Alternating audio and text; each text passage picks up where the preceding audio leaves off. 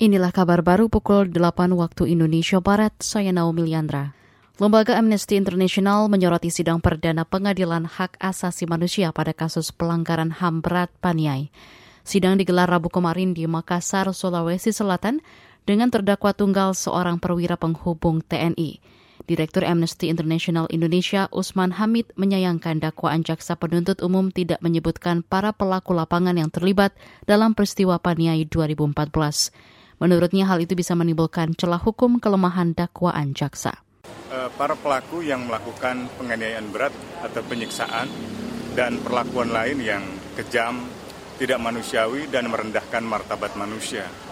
Itu tampaknya tidak masuk di dalam dakwaan. Dan tentu saja kalau dari konstruksi hukum eh, dakwaan tadi, eh, orang-orang yang terlibat di dalam melakukan penyiksaan, perlakuan lain yang kejam, atau tidak manusiawi dan merendahkan martabat, martabat manusia tidak dihadirkan uh, sebagai uh, terdakwa. Padahal itu sangat penting sekali. Direktur Amnesty International Indonesia Usman Hamid menilai proses hukum pengusutan kasus pelanggaran HAM berat Paniai belum tuntas sehingga konstruksi peristiwa tidak tergambar utuh. Menurut Usman, semestinya sidang memperlihatkan orang-orang yang langsung terlibat dalam pembunuhan di Paniai hingga orang yang menyuruh melakukan tindakan itu. Usman mengingatkan agar pemerintah serius menyelesaikan kasus pelanggaran HAM Paniai karena kasus ini sudah mendapati sorotan internasional.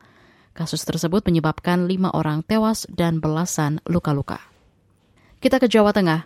Pengurus PDI Perjuangan Kota Solo belum mendapat informasi mengenai pembentukan Dewan Kolonel untuk mengangkat potensi Puan Maharani dalam pemilu Presiden 2024.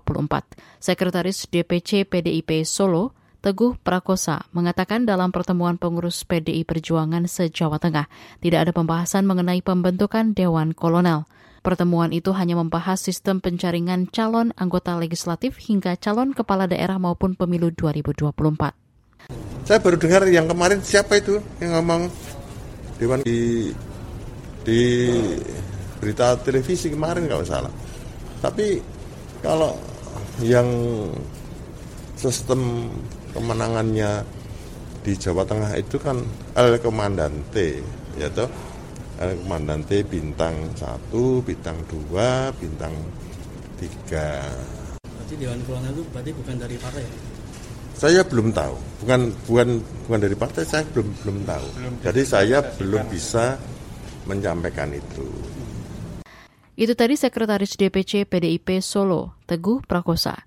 Sebelumnya, pimpinan PDI Perjuangan di DPR berencana membentuk Dewan Kolonel yaitu tim khusus loyalis Puan Maharani.